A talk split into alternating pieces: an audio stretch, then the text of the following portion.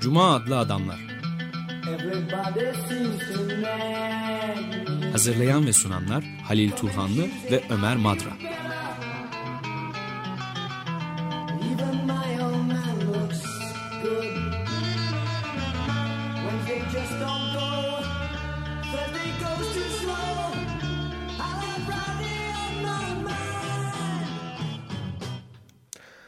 Herkese merhabalar. Evet, bugün e, Ömer Madda'nın yerine ilk sen Marlutuna var. Onu Evet. alıyor. Bir de konuğumuz var. Konuğumuzda bir süredir duyuruyoruz Açık Radyo'dan. Cemal Ener, e, Jean Amelie'nin Suç ve Kefaletin Ötesinde başlıklı kitabının çevirimine. Hoş geldin Hoş Cemal. geldiniz. Hoş bulduk. Teşekkürler. Hemen başlayalım. Çok sorularımız var çünkü bir de yakıcı bir e, konu. E, Ve eller, ellerinize kırma. sağlık ayrıca. Sağ ol. Teşekkür ederim. Gözlerine sağlık okuduğun için. Sağ olun. E, Jean Amelie'nin kim olduğunu kısaca bir bakalım. Diğer e, soykırımdan arda kalanlardan biraz onu farklı kılan özellikler var. E, bir, kim olduğunu, ismini, hangi kültürel yetiştiğini bize tanıt biraz. Tabii. Ee, Jean Amélie çok dramatik bir karakter. Ee, Viyana doğumlu, 1912 doğumlu. Ama aslında ailesi yine Avusturya'nın e, haritayı gözünüzün önüne getirirseniz böyle dil gibi batıya doğru uzanan bir parçası vardır. E, İsviçre ve Almanya ile sınırı olan e, Vorarlberg bölgesi. Aslında ailesi oradan geliyor. E, ama babası arada bir Yahudi, annesi Katolik. E, babası Birinci Dünya Savaşı'nda asker olarak savaşırken ölüyor. Yani bir nevi halk, daha doğrusu milli kahraman sayılabilir. E, ve annesi daha sonra e, Viyana'ya yerleşiyor. E, ve e, Ameli Viyana doğumlu bir e, yarı Yahudi Alman vatandaşı. 1935'te m, Nürnberg yasaları çıktığı zaman ki zaten bu benim çevirdiğim kitapta o deneyimini uzun uzadıya anlatıyor. Bir gazetede e, kendisinin Yahudi sayılacağını öğreniyor. Oysa ki aslında sosyalizasyonu kesinlikle Yahudi ol, olarak ol, ger- gerçekleşmemiş. Yani bir Yahudi olarak yetişmemiş. Evet. Ve e, o Nürnberg yasaları ve henüz Almanya, Almanya'da gelişmekte olan Nazi rejimi henüz e, de, e, dememin nedeni Avusturya'nın ilhakından önce olduğu için ona kendi Yahudiliğini hatırlatıyor bir nevi. Bir gecede ait olduğu toplumun, Evet. ait olduğunu sandığı toplumun dışına itiliveriyor. değil mi? Aynen, Çok aynen. dramatik Bu ve çok travmatik bir deneyim oldu. Korkunç bir deneyim. Ee, ve aslına bakılırsa e, kendisinin de çeşitli yerlerde e, anlattığı gibi e, bu e, bu takibattan, bu e, zulümden kurtulma imkanı var. Hatta e, bir arkadaşı devlet dairesinde çalışan bir memur olan arkadaşı ona e, nüfus kütüklerinde ufak bir oynamayla kendisinin kurtulabileceğini Nazi takibatından söylüyor. E, bunun yolu da işte babasının belli olmadığını ilan etmesi. Zaten annesi bir Alman Katolik kadını. E, dolayısıyla babası belirsiz olarak geçirilseler e, kütüğe e, orada ufak bir oynama yapılsa e, Ameri herhangi bir saygın vatandaş olarak yaşayıp ölme Ama hakkına babası da Almanya'da s- savaşmış birisi değil mi? Avusturya ordusunda evet tabii tabii ama Yahudi. Evet. Ve e, bu teklifi yapıyor arkadaşı ona. E, yani kurtarabilir seni diyor tırnak içinde. E, fakat o reddediyor. Yani böyle bir onursuz hayatı istemiyor ve Yahudiliği kabul ediyor. Evet. E, ve o andan itibaren hiçbir Yahudi geleneğine aşina olmamasına rağmen zaten inançlı biri de değil e, dini anlamda. E, buna rağmen e, bir Yahudi olarak yaşamayı göze alıyor ki o dönemde bu son derece tehlikeli bir şey. Ve nitekim e, Avusturya'dan kaçıyor. E, çeşitli sınırları kaçak olarak geçip Belçika'ya gidiyor ve Belçika bir süre sonra Alman Nazi ordusunun işgali altına girince de bir direniş örgütünde e, Nazi rejimine karşı propaganda faaliyetlerine katılıyor. E, ve yakalanıyor. E, ondan sonra ağır bir işkenceden geçiriliyor ve akabinde de e, zaten Yahudi olduğu anlaşılınca da Ausch- Auschwitz'e gönderiliyor ve orada yaklaşık iki seneye yakın kalıyor ve hayatta kalmayı da başarıyor. E, ve savaştan sonra Almanya bir dönem gitmediği gibi yazdığı gazeteci olarak e, yazdığı e, İsviçre'de bir, bir bir takım dergi ve gazeteler var. Onların e, ve yap, yazdığı kitaplar da var. Onların Almanya'da yayınlanmasını da bir dönem yasaklıyor aslında ve Almanya büyük bir hınç ve öfke ile dolu. Haklı Alman olan- halkını su- suçluyor. Alman halkı- halkını da evet suçluyor. Evet açıkçası. evet yani bir kolektif suçun Evet. e, varlığından bahsediyor ama bunu tabii kendisi bu kitapta da e, biraz tanımlıyor. Yani kolektif suçtan ne anladığını söylüyor. Yani bu tek tek her bireyin suçlu olduğu anlamına yorumlanmamalı. Yani tek tek her birey bir suç işlemiş olmak zorunda değildir ama toplum olarak buna direnmedikleri için tam tersine direnmek şöyle dursun e, destekledikleri için bir kolektif suçun varlığından söz edebiliriz diyor. E, nitekim hatta yani 1940'lardan sonra bile yani artık e, savaş Almanların aleyhine döndüğü bir dönemde bile eğer seçim yapılacak olsaydı yine o, o adamı seçerlerdi yine başlarına getirirlerdi Hitler'i. diyor. Evet. Üstüne üstlük savaş sonrası dönemde de kanaati değişmiyor. Yani hani Değişmiyor. Değişmiyor. itiraflara başladığı dönemde. Şöyle yalnız e, yani kanaati kesinlikle değişmiyor ama e, hani Almanya'ya uyguladığı ambargoyu bir süre sonra Evet. kaldırıyor ve işin yani biraz trajik yanımı demek lazım. En çok okuyucusu da Almanya'da var ve en çok tartışıldığı ülke de Almanya. Mesela Avusturya veya İsviçre zaten hep ayrıksı bir ülke olarak bir kenarda duruyor ama Almanya, Almanya'da tanındığı kadar Avusturya'da tanınmıyor mesela. Üstelik kendi ülkesi olduğu halde. Evet ve e, isminin de bu arada Fransızca tuttuğunu da söylemek Ha, evet lazım. tabii tabii. O, o da ilginç bir konu tabii. Bir, bir parantez olarak Evet. açalım. Jean zaten e, kendi adının Fransızca versiyonu. Yani Hans'ın, Johann'ın Evet. e, Fransızca versiyonu Jean. Ameri ise bir anagram yani kendi soyadı olan Mayer'in harflerinin yer değiştirilerek e, o- o- oluşturduğu bir e, soyadı. E, bunu da evet yani o Almanca adı dahi artık taşımak istemediği için yapıyor. Evet. Evet sonrasında da Alman Halil abi. Ama tabii bu bu arada Almanca yazmaktan vazgeçemiyor. Çünkü e, bütün o hıncına ve öfkesine rağmen yani onun Celladının onun dilinde- ülkesi olan bir şey bir nosyon varsa o da dili. Yani onu da çok nefis kullanıyor zaten. Evet, zaten buna yol açan radyo konuşması Evet. ya bir radyo konuşmasıyla başlıyor aslında. Evet, Değil mi bu evet. itiraflar süreci? O da Almanca dinleyen bir kitleye hitaben e, Evet, yazı- tabii, tabii, yazılmış tabii. aslında evet. Şimdi benim bir sorum var. Bizim bir sorumuz var Cuma adlı adamların. Ee, etik o- oluşturma e, girişimi aslında bu kitaptaki denemelerde. Ama farklı bir etik. Holocaust sonrası etik. E, e, Levinas'ın etiğini biliyoruz. e, Agamben'in etiğini biliyoruz. Tanıklık üzerine kurulu.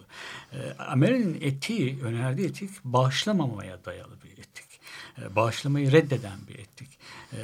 Hatta Agamben'in onun bir hınç etiğinden yana olduğunu da söylüyor. Siz ne diyorsunuz bu konuda? Hınç etiği mi bu? Bağışlamamayı yaptı bu. Böylesine vurgu. Yani Amerika'ya inanacak olursak evet bir hınç et- etiği der miydi bilmiyorum. Belki o konuda o kadar kafası açık değil. Yani bir etik yaratmak ya da oluşturmak istediğini ben açıkçası çok iddia edemem. Yani bu mesela ben bu kitabı çevirdikten sonra e, Primo Levi ile Jean Améry'i de karşılaştırdığım bir e, yazı da yazdım Duvar dergisine. E, ikisi arasında çok ciddi bir karşıtlık var. Evet. Üstelik e, tuhaf bir tesadüf sonucu aynı kampta Auschwitz'te hatta bir dönem aynı barakada da yani birkaç ay boyunca aynı barakada da kalmışlar. Ve e, birbirlerini bir miktar tanıyorlardı. E, ve savaştan sonra ama kesinlikle görüşmeyi reddediyorlar. Özellikle Ameri bunu reddediyor. E, Primo Levi belki daha açık olabilirdi ona karşı. Fakat e, buna buna mukabil e, Jean Ameri'nin 1974'te intihar et, ederek ölmesinden yaklaşık 8 sene sonra Primo Levi e, Boğulanlar Kurtulanlar diye bir kitap yazıyor ve o o kitapta başlı başına bir bölümü Jean Amery'e ayırıyor ve onu bu hıncından ve öfkesinden dolayı da çok eleştiriyor. Ee, bir nevi yani ölmüş bir adamla polemik de var orada. Ee, buna mukabil de e, Jean Amery, Primo Levi çok e, bağışlayıcı, çok e, e, kabullenici, belki bir nevi kaderci de görüyor olabilir. E, buna çok buna da çok kızıyor aslında. E, dolayısıyla aralarında bir örtüşme olmuyor. Yani etik yaratmak, yeni bir holokaust sonrası etik yaratmak derdinde olan aslında daha çok Primo Levi.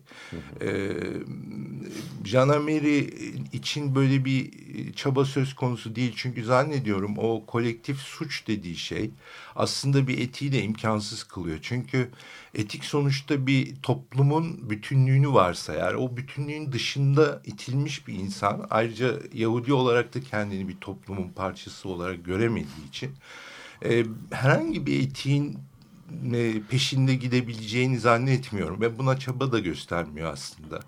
Ve diyor ki yani tek tek bireyler olarak e, herkes kendi e, kavgasını, mücadelesini vermek zorunda.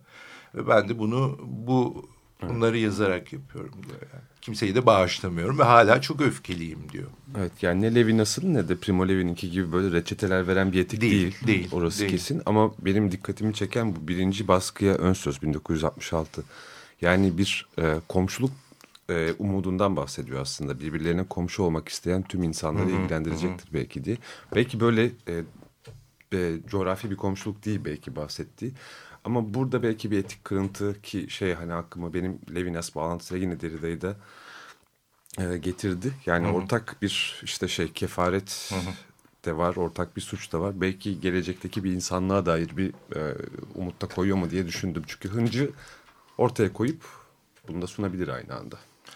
Doğru zaten e, bu kadar e, bu meseleyi tartışıyor olması tar sadece Evet. kendi dört duvarı içinde kalarak tartışıyor olmaktan da öteye geçip e, kitaplar yazıyor olması da zaten birilerine seslendiğini seslenmek ihtiyacını gösteriyor.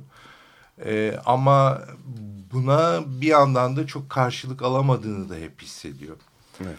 Ee, bu arada tabii şunu da söylemem lazım ki e, kendini biraz maymun gibi de görüyor. Yani e, Almanların onun onun yazdıklarına bu kadar teveccüh göstermesi, okuyup tartışması, savaş sonrasında Alman aydınlarının onu baş tacı etmesi bir tür e, aslında arın yani onların ucuz yoldan kolay yoldan arınması gibi de geliyor ona ve yaptığı şeyden dolayı da bir hep bir sıkıntı çekiyor. Yani kendini bir tür e, aklanma vesilesi Evet. olarak araçsallaştırdığını düşünüyor. Ondan da rahatsız ama hep işte bu iki e, uç arasında sürekli savrularak yaş- yaşayan bir adam. Zaten onu tanımlayacak şey de bu. Yani en temel özelliği de bu. Bir soru ortaya çıkıyor bu durumda. Bağışlama konusunda çok sık sorulan bir şey.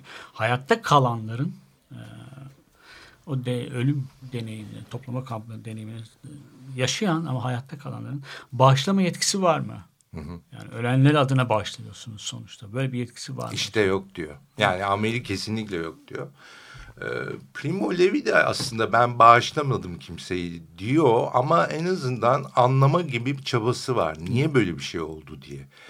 E, Mesela e, Ameli ile en önemli farkı o Ameli bunu anlamayı da reddeden bir adam. Yani şu ya da bu gerekçeyle kötü şeyler oldu ama şu ya da bu gerekçeyle oldu gibi bir kauzaliteyi reddeden bir adam. E, Primo Levi'nin böyle bir çabası var. Nasıl o noktaya geldi? Nasıl insanlıktan bir toplum oldu bütün haliyle olduğu gibi insanlıktan çıktı.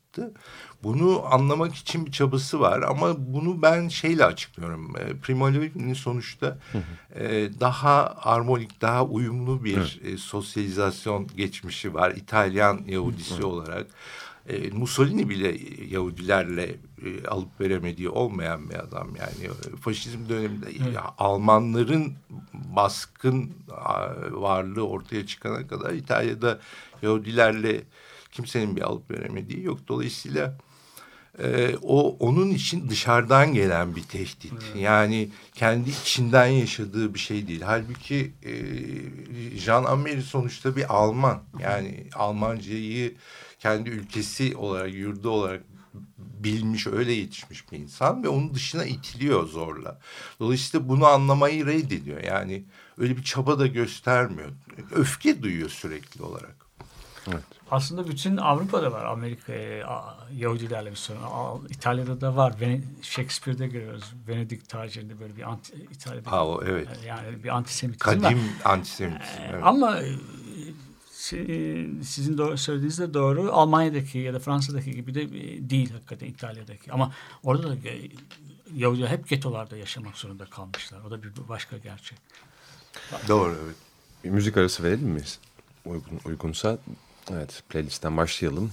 Devendra Banhart'tan gelecek. Sonra devam edeceğiz. Can suç ve kefaretin ötesindesini konuşmaya. A Sight to Behold. It's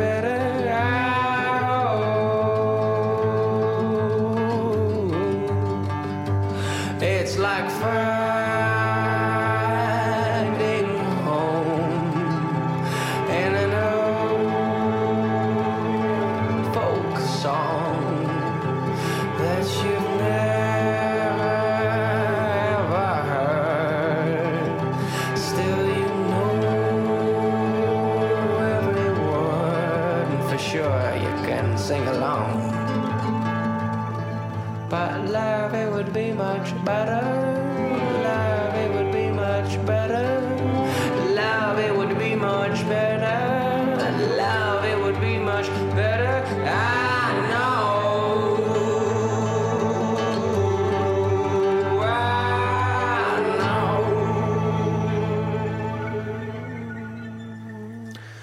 Evet devam ediyoruz. Konumuz Cemal Yener. Ömer Madra'nın gıyabında Jean Amery'i konuşuyoruz. Metis'ten yayınlandı.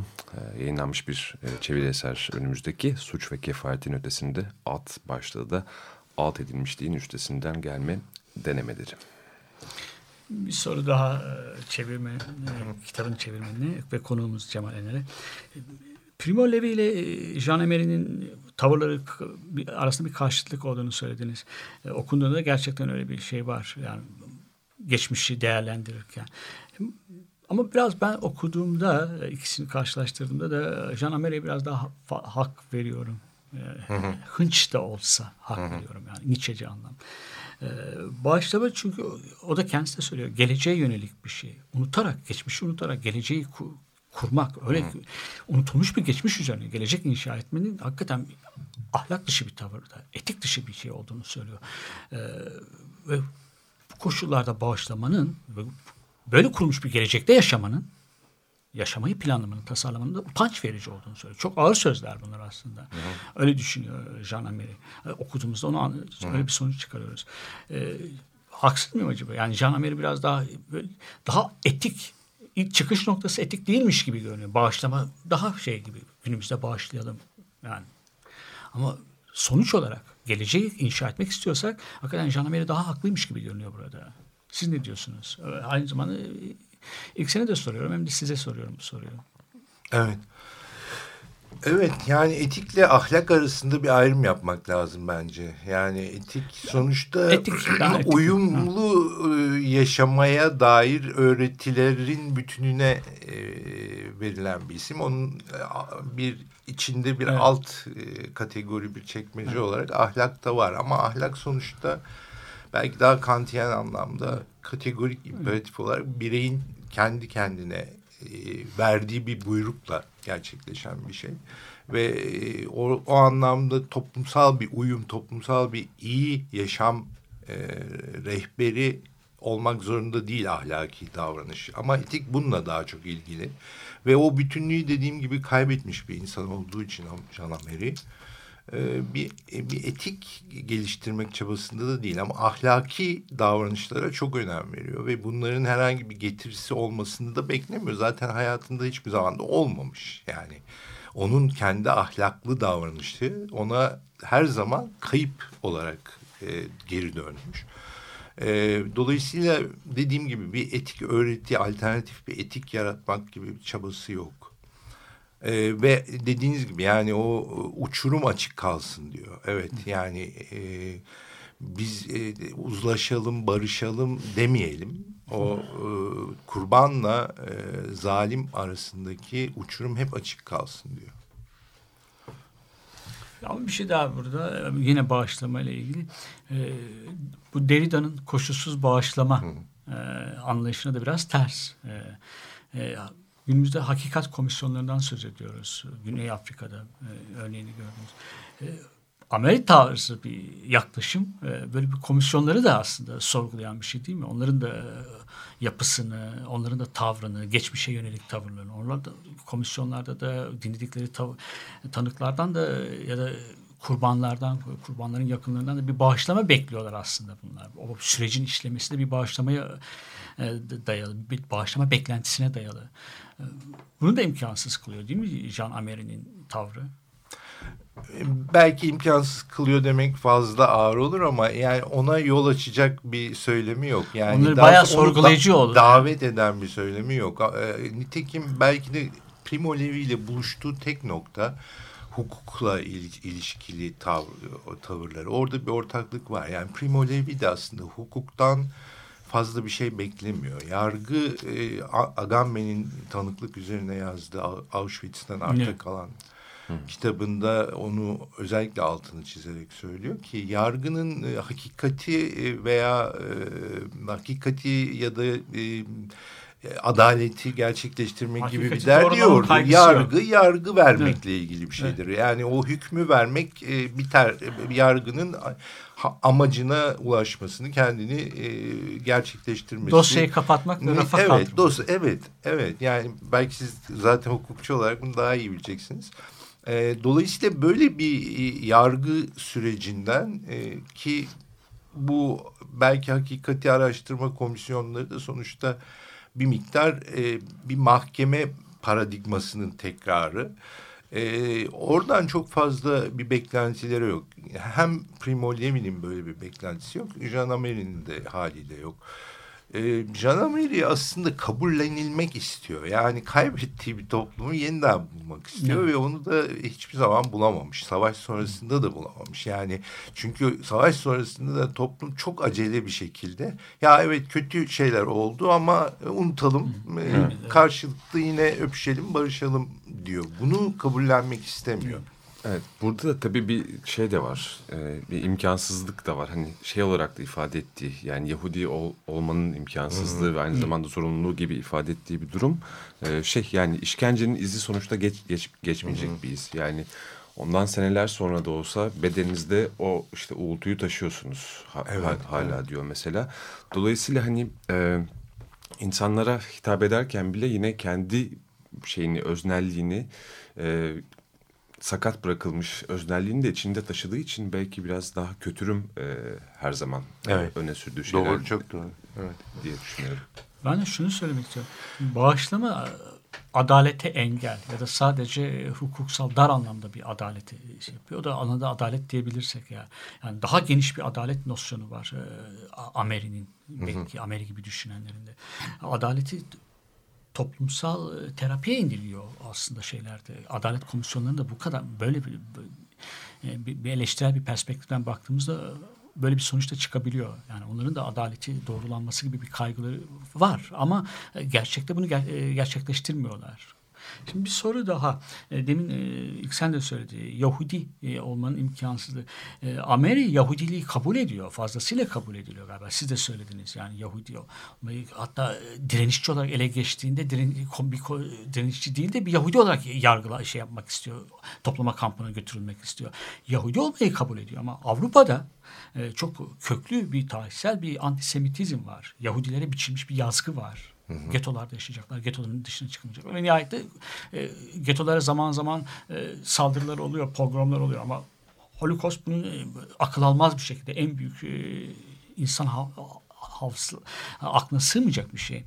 E, ama Yahudi yazgısını kabul etmiyor galiba. Yahudilere biçilen yazgıyı kabul etmiyor Ameri. Yahudi kimliğine sahip çıkıyor, sımsıkı sahip çıkıp çıkıyor ve e, yazgısını reddediyor. Ama Yahudi bence o çok simgesel bir şey olarak kabul ediyor. Yani gerçekten bir kültür, bir yaşama biçimi. bir Yaşamının in- belirli bir döneminden sonra. inanç tar e, bir, e, inanç Pratiği. Pratiği olarak falan e, kabul etmiyor. Hiçbir zaman da kabul. Yani ölene kadar da kabul etmiyor. E, yani öyle bir pratiği yok. E, hatta bu kitapta bir arkadaşıyla Schönberg'in operasını Evet. seyrederken arkadaşının nasıl e, e, terler boşandığını, heyecanlandı. Dinle İsrail e, dizesi okunurken koro tarafından böyle çok çarpıcı bir şekilde.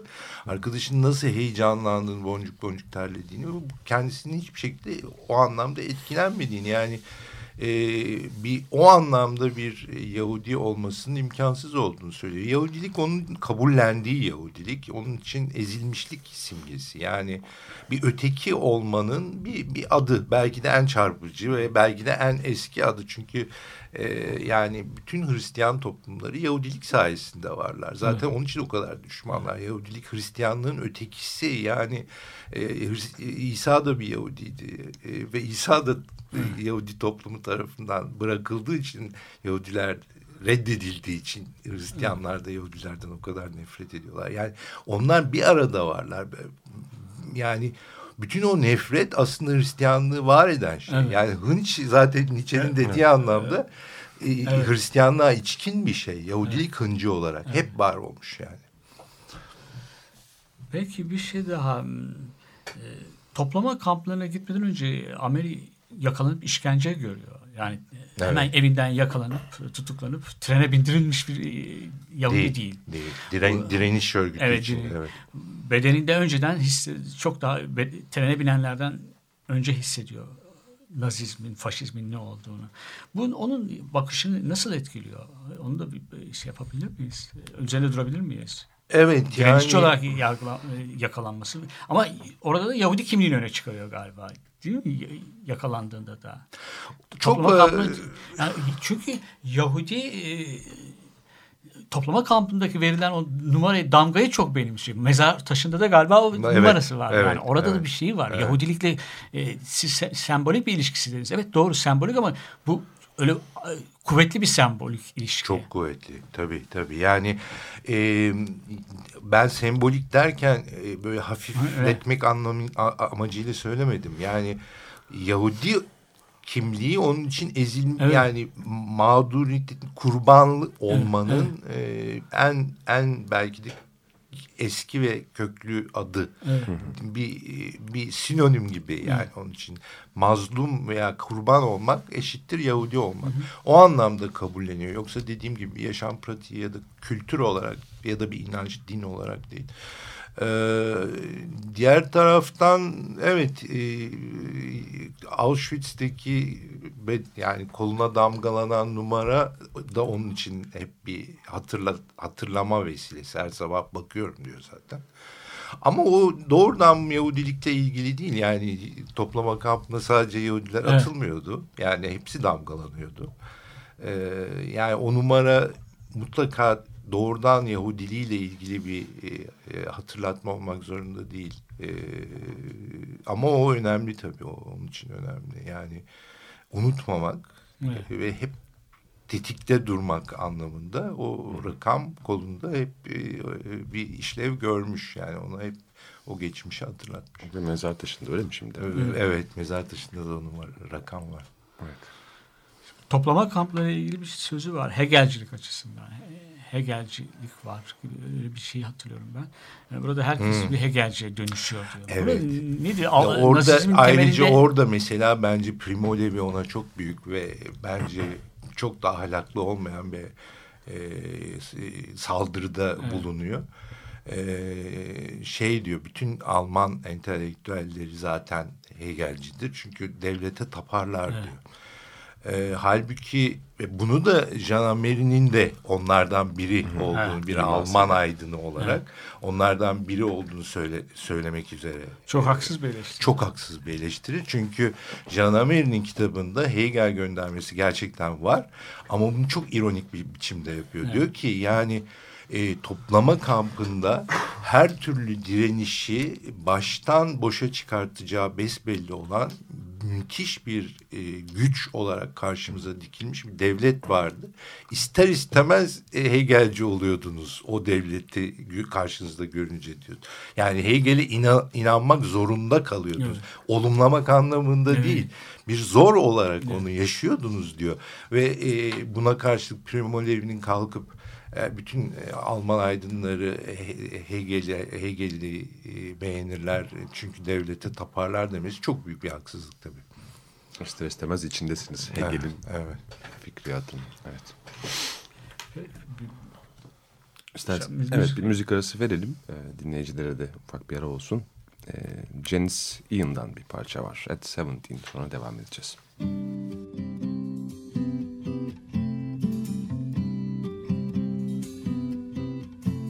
I learned the truth at seventeen. That love was meant for beauty queens.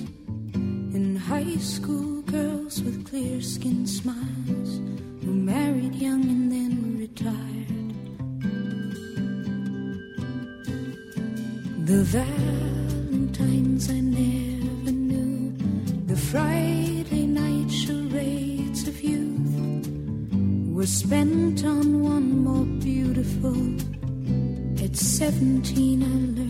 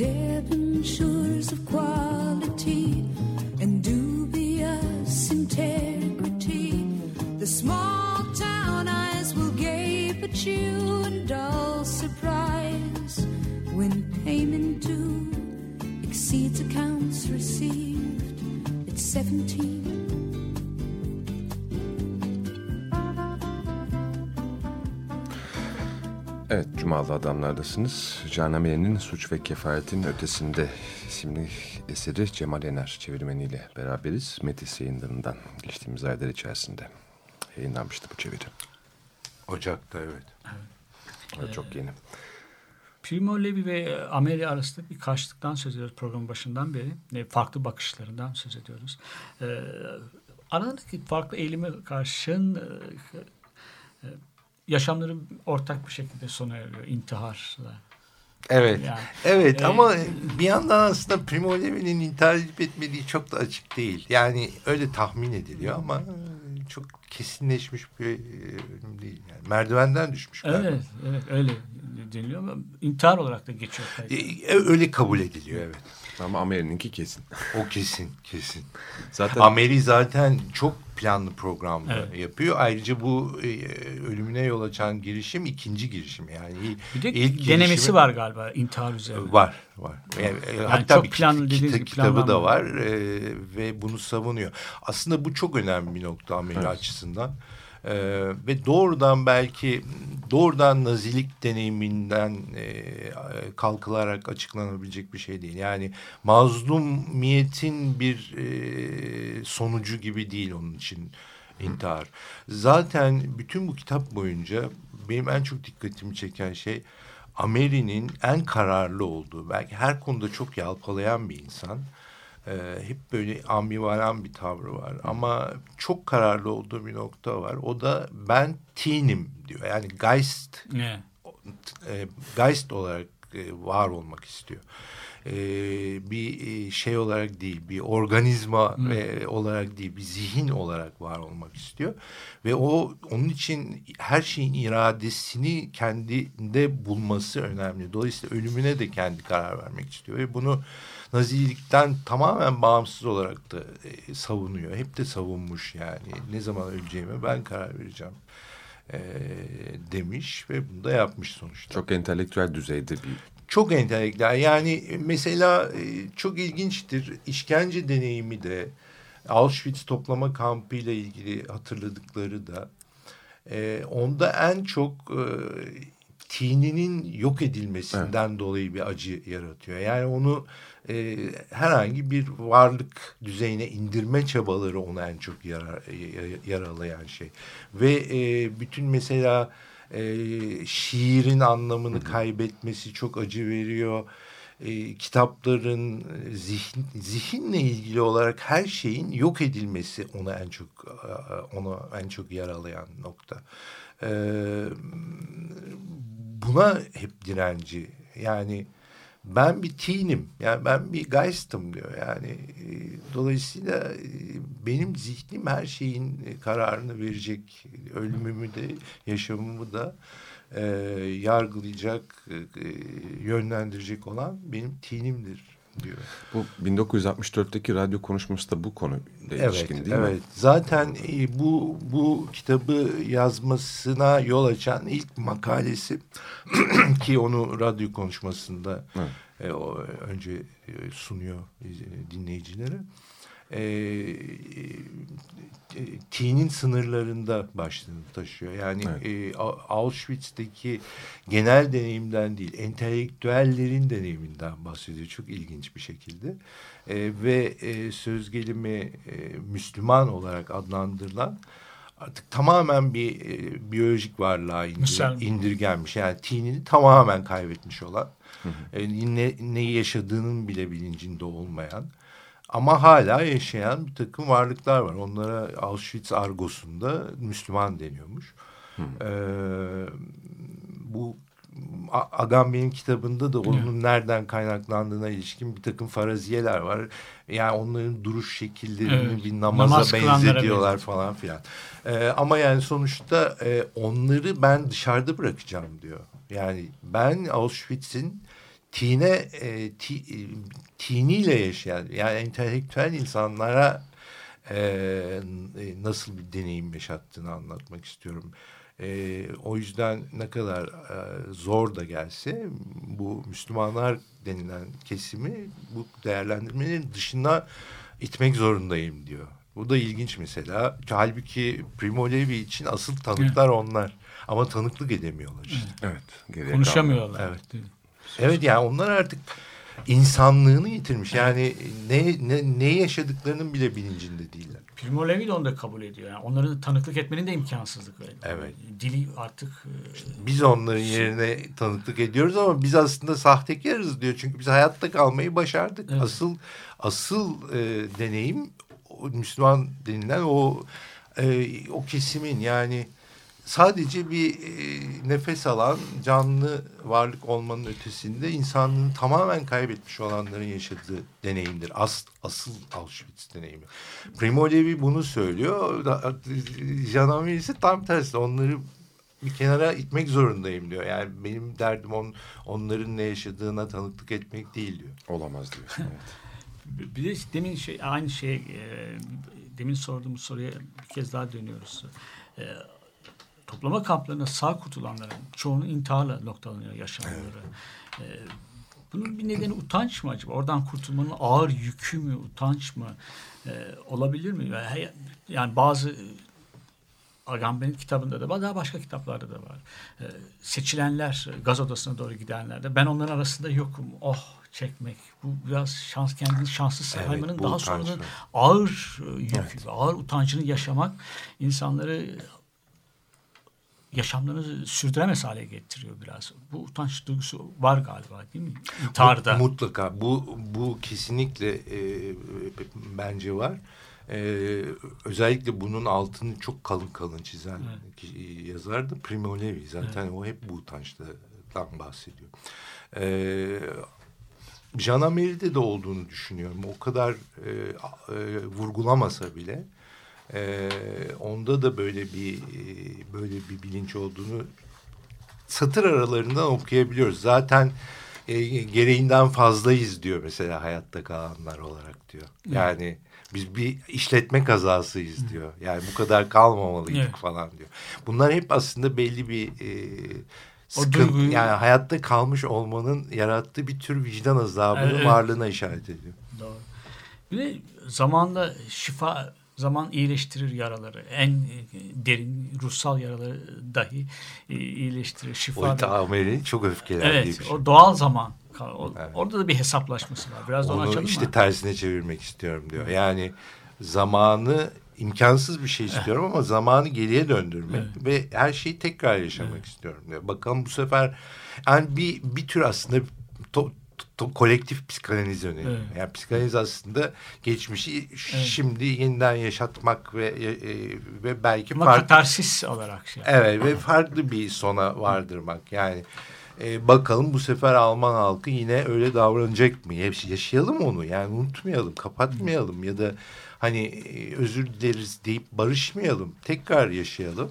Bakalım bu sefer ne yapacaksınız diyor ve e, bütün o Alman halkına yönelik öfkesini ancak böyle bir hesaplaşmayla e, giderebileceğini düşünüyor. Ama bundan da umutlu değil. Zaten bunun imkansız bir şey olduğunu kendisi de söylüyor. Evet, gündelik zaman akışının içinde mümkün değil. Evet, evet. Diğeri de başkaları için mümkün değil. Bir de burada şey de hani itirafla aslında sanki yazıda da biraz böyle bir hakikate ulaşma çabası var gibi geliyor. Yani burada işte itiraf yöntemi işte meşhur konfesyones ve şey tefek, tefekkürle beraber aslında galiba biraz da yolunu bulmaya çalışıyormuş gibi geliyor. Her ne kadar dediğiniz gibi kolektif bir şey e, sağaltımın da is- istiyor olsa da sanki bu kitabı kaleme alıyor oluşu da aslında o başka türlü bir zamansallığı ortaya koyabilmek için yazının içinden bir hakikat de çıkıyormuş gibi böyle e, garip. İmanı Çok var. ilginç bir e, e, bir e, pasaj var kitapta. Şimdi adını hatırlayamadığım bir sanıyorum Hollandalı bir e, SS e, gardiyanından, SS komandosundan bahsediyor. E, savaştan sonra canlı yakalanıp idam edilmiş. Bilmiyorum Ameli o idam edilirken orada mıydı ama şöyle bir pasa- pasaj e, var kitapta. idama götürülürken diyor biliyor e, artık anlamıştı yaptığının hakikatini diyor. Ee, o zaman o anda ben de onunla birlikte ölebilirdim diyor. Ama ne yazık ki diyor yani bunu anlayan anlayanların sayısı çok az. Yani çok az gerçekten. Ee, ve her şey halının altına e, süpürülüyor. Yani Türkiye'de de aynı şeyi yaşıyoruz işte Ermeni meselesinde. Evet. O biz şey, Nazizmi, faşizmi bir barbarlık rejimi olarak e, görüyoruz ama aslında o toplu imhalar, e, kıyım politikaların uygulanması son derece gelişmiş bir teknolojiye dayanıyordu. En gelişmiş gazlar, Evet, yapı, mimari olarak da yani e, şeye gidişi, e, insanların istasyonlarda vagonlara bindirilmesi ve gaz odalarına kadar götürülmesi. Çok gelişmiş bir bürokrasi vardı orada. Bu barbarlık rejiminden çok modern çağa özgü bir şey değil mi aslında? Kesinlikle. Yani Yani bu, şey. konuya işaret ettiğiniz çok iyi oldu. Çünkü e, ben yani buraya gelmeden önce de bunu düşünmüştüm. E, yani mesela birçok yazar, mesela en ünlüsü Adorno'nun Auschwitz'ten sonra şiir yazılamaz. Ama genellikle Auschwitz deniyor. Yani toplama kamplarından sonra falan denmiyor. Çünkü Auschwitz çok özel bir olay. Nedir Ee, özel kılan? Evet onu açıklamak lazım. Yani e, mesela e, mesela Treblinka yine yine Polonya'da Auschwitz gibi e, e, Treblinka toplama kampında imha kampı orası. Özellikle im, o için o iş için kurulmuş. Öldürülen insan sayısı Auschwitz'ten bile daha fazla. Ama buna buna rağmen kimse Treblinka'yı kullanmıyor simge adı olarak. Auschwitz deniyor. Çünkü Auschwitz sadece e, e, ölüm kampı olmaktan daha fazlası. İnsanı bir e, yaratık olarak en artık e, düşünülebilecek en son noktaya kadar sömürme ve o ve artık e, posası çıktığında öldürme mekanizması.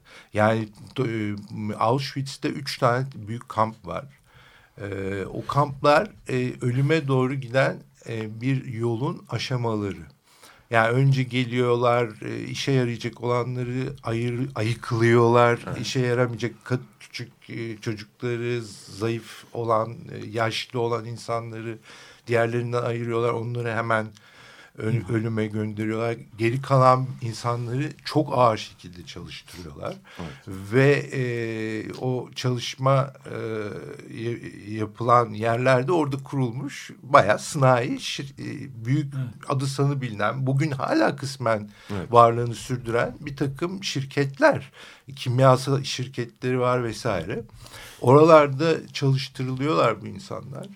Ve artık işe yaramaz noktaya gelince sürekli tekrarlanan ayıklamalarla e, yine e, ölüme gönderiliyorlar. Yani bu bu bir bu bir in- insandan e, sonuna kadar e, istifade edip sonra yok etme e, amacıyla kurulmuş bir fabrika. Yani orası bir fabrika, ölüm fabrikası. Ama yani ölüme gidene kadar da e, hatta öldükten sonra da yani işte saçlarından sabun yapıyorlar, altın dişlerini alıp onları külçe altın, eritip külçe altın yapıyorlar vesaire. Yani korkunç bir e, bir fabrika mantığıyla çalışıyor Auschwitz. O yüzden tarihte eşi benzeri yok. Bir ilk ve inşallah da son olur yani.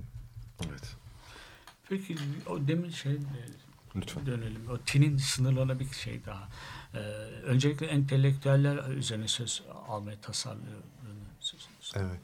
Ee, entelektüelleri daha fazla suçluyor. Onlardan beklentisi mi daha fazla? Nasıl tanımlıyor onları? Entelektüellerin kamp deneyimleri hakkında düşünceleri ne? Bir, onu biraz daha üzerine durabilir miyiz?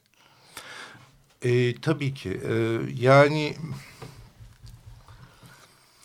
m, bir kere her şeyden önce yine kendi anlattığı, kendi hatırladığı bir olay var. Bir iş e, vardiya dönüşü e, böyle uygun adım e, yürüt, yürütülürken e, bir inşaat halinde bir bitmemiş tam olarak bir binanın önünden geçiyorlar. O sırada bir bayrak görüyor orada ve bayrak rüzgarda dalgalanıyor ve belli bir hışırtı uğultu çıkartıyor ve birdenbire aklına Höl Derneği'nin e, rüzgarda uğuldar bayraklar falan gibi bir dizesi geliyor. Ve birden şeyi fark ediyor. Hiçbir şey ifade etmiyor artık bu. Yani bir zamanlar o şiirin ona e, çağrıştırdığı e, bir takım fikirler, e, belki bir takım duygusal e, durumlar, bir, bir duygulanım hmm, tetikleyici bir etkisi vesaire. Bunların hiçbiri ortaya çıkmıyor ve birden şeyi fark ediyor. Yani bir aşkınlığı kalmaz kalmaz ise şiir çok banal bir bir şey e, yani rüzgarda hış, hışır diyordu bayraklar. Yani çorba sıcak bilmem ne falan gibi bir söze indirgeniyor ve bundan çok büyük bir acı duyuyor. Ve ve buna karşı çok mücadele etmeye çalışmış. Yani yine tekrar edeceğim kendimi ama tinselliğini yaşatmaya çalışmış. Ve mesela bir takım riskleri, tehlikeleri gö- göze alarak başka bir barakada o yaşadığını duyduğu bir felsefe profesörünün ziyaretine gidiyor. Kim biliyor musunuz? Çok merak ettim. Bilmiyorum. Yani onun adını açıklamıyor. Ee, ama işte Sorbonne'da, Sorbonne'da hocaymış. hoca. Evet. Ve tek kelimelerle konuştuğunu söylüyor. Evet ve bu yani onu özellikle gidiyor onu buluyor ziyaret ediyor ve birlikte yürümeye başlıyorlar ve bu böyle sürekli işte takım entelektüel konular açmaya çalışıyor onunla konuşmak. Adam evet hayır falan dışında hiçbir cevap vermiyor. Bir süre sonra hiç konuşmaz oluyor. O zaman anlıyor ki yani onun onun yaşadığı şey de aynı. Yani e, zihni melekelerini kaybettiği için değil. Onlar anlamlarını kaybettiği için konuşmak istemiyor adam. Yani artık bir aşkınlığı kalmıyor kültürün ve bu onun için büyük bir acı. Yani en dediğim gibi en büyük acı onun için. Evet. Dilin ve mananın kaybı. Evet, evet. Ve işte sonra tekrar dilin kucağında aslında Janameli. Alt edilmişliğin üstesinden gelme denemeleri de o manada önemli. Evet, Anlamak. evet, evet. Ee, ve aslında ilginç bir ayrıntı daha vereyim. Jean Amel e, denemeci olarak e, ün kazanıyor e, Almanca konuşulan ülkelerde öncelikle. Fakat e, bütün hayali bir romancı olmak. Evet. Aslında fiksiyon, fiction yazarı olmak istiyor yani. Ve yazdığı dört tane roman var. Bunun ilki e, daha Naziler döneminden önce e, gel- denk geliyor. E, hiçbir zaman yayınlanmamış. O daha böyle geleneksel bir dille de geleneksel bir anlatımla yazılmış bir roman ve sonradan kendisi de onu beğenmiyor. Hatta defalarca değiştiriyor, yeniden yazmaya çalışıyor falan ama bir türlü olmuyor. E, fakat savaş e, savaştan sonra yazdığı bir takım romanlar var ve onlar kendisi yaşarken de yayınlanıyorlar. Fakat hiçbir zaman hiçbir zaman kabul görmüyor. Yani bir romancı olarak kabul görmüyor ve buna çok öfkeleniyor. Yani asıl derdi onun bir e, e, roman yazarı olarak itibar görmek ve belki bu yüzden de yani bu yüzden de Almanlar Evet. öfkeleniyor. Nitekim mesela ben de bir çok ayrıntılı bir e, biyografisi var. Orada bir fotoğraf da var yazdığı bir romana gelen tepkiler e, gazetelerde, dergilerde yazılan yazılar çok böyle e, olumlu değil. Çok çok yıkıcı da değil ama hani beklediği şeyi görmüyor, heyecanı görmüyor eleştirmenler tarafından. Ee, dolayısıyla müthiş sinirleniyor ve kendi indignasını parça parça etmiş. Yani o kitap duruyor hala ve yırtmış, lime lime etmiş. Ee, evet yani böyle bir derdi de var ve hatta ben ilginç de bir yazı okudum. Bir gazeteci e, ölümü vesilesiyle galiba ölümünün 10. yılında yazmış. Aslında Jean Amel'i romancı olarak kabul görmediği için intihar etti diyor adam. Biraz e, İronik bir yaklaşım ama. Bir de 1945'ten e, yani kamplardan kurtulduktan sonra savaşın sona ermesinden e, 1965'e kadar yaklaşık değil mi? Suskunluk da çok kolay bir şey değil. Böylesine e, e, dramatik, böylesine travmatik bir deneyim hakkında e, hiç konuşmamak, konuşmamayı seçmiş olmak da şey e, e, oldukça zor bir şey. Çok zor. Yani e, Bunu da onun yaşamını etkilemiş, mutlaka etkilemiştir bu suskunluk dönemi. Karamsar bir ruh hali içerisine getirmiş o, olması muhtem- muhtemelmiş gibi geliyor. Çünkü e, buradaki denemeler de aslında onun bir ruh halini, yani nesnel kayıtlar değil e, denemeler. Nesne, öyle bir şey olması da zorunda değil. Sistematik bir yaklaşım da değil. E, ku- kurbanın, kurtulan bir kimsenin e, ruh halini e, gösteriyor. Karamsar elbette karamsar. Bütün e, ku- kurtulanlar karamsar. Fakat bu suskunluk da karam dönemi, o 20 yıllık dönem karamsarlığı beslemiş gibi geliyor insana. Yani o derinleştirmiş, yoğunlaştırmış o duyguyu, o bağışlamama duygusunu, hınç duygusunu da pekişti, bu suskunluk dönemi pekiştirmiş gibi geliyor. Siz ne diyorsunuz? Belki ama Ameri'nin e, istisnai bir örnek olduğunu sanmıyorum. Hatta Auschwitz'ten kurtulan insanların büyük bir çoğunluğu e, aynen Ameri gibi onun hakkında o dönem hakkında konuşmaktan çok kaçınıyorlar. Bunu Primo Levi de söylüyor. Yani ben bir istisnayım diyor. Ben sürekli yani döner dönmez anlatmaya başladım. Sürekli konuşuyorum diyor ama bir- birçok insan biliyorum ki ağzına bile almak istemiyor Auschwitz lafını diyor. Yani benim çoğunun arkadaşlarım çoğu konuşmazlar diyor. Ben bir istisnayım diyor. Yani zor bir şey onun hakkında herhalde konuşmak. E, tabii bu ama şeydi restorasyonu da bir manada daha da zorlaştıran bir şey. Toplumsal Mutlaka. restorasyonu. Ve bence Amerika'yı aslında yazmaya iten yani Auschwitz e, hakkında 1964 yılında Frankfurt'ta büyük bir dava aç- açılıyor. Beni e, yazmaya iten o dava oldu diyor. Yani bu kendi gösterdiği gerekçe ama bana kalırsa aslında Primo Levi onu yazmaya iten kişi. Çünkü Primo Levi'nin yayınladığı kitap e, Almanya'da yayınlandıktan sonra bu kitabı yazıyor. Yani Almanca'ya çevrilip Almanya'da yayınlandıktan sonra Primo Levi'nin Bunlar da mı insan Evet, baş, başlıklı kitabı. Ve Primo Levi'ye İnsan bu mu değil mi? Primo Levi'ye öfkesinden yazıyor aslında biraz da. Yani hep o öfke de var ona karşı. Yani ontolojik gevezelik yapıyor falan diyor çünkü. Kimliğini bir kez daha verelim. Evet. Cemal Yener bizlerle beraberdi. Çok teşekkürler. Teşekkür ederiz. ben için. teşekkür ederim. Tek çeviri değil mi Türkçedeki Ameri var mı yoksa? Şimdilik tek bildiğim. Evet, Jean Amery'nin Suç ve Kefaretin Ötesinde alt edilmişliğin üstesinden gelme denemeleri Ocak ayında Metis yayınlanınca e, kazandırıldı Türkçe'ye Cemal Bey tarafından. Çok teşekkürler. Ben teşekkür ederim.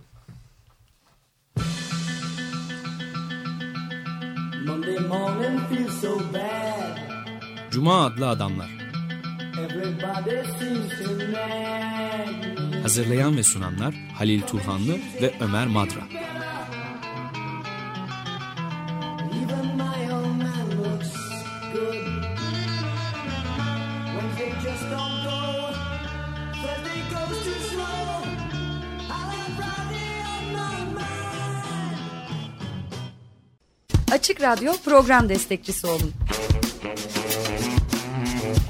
Bir veya daha fazla programa destek olmak için 212 alan koduyla 343 41 41.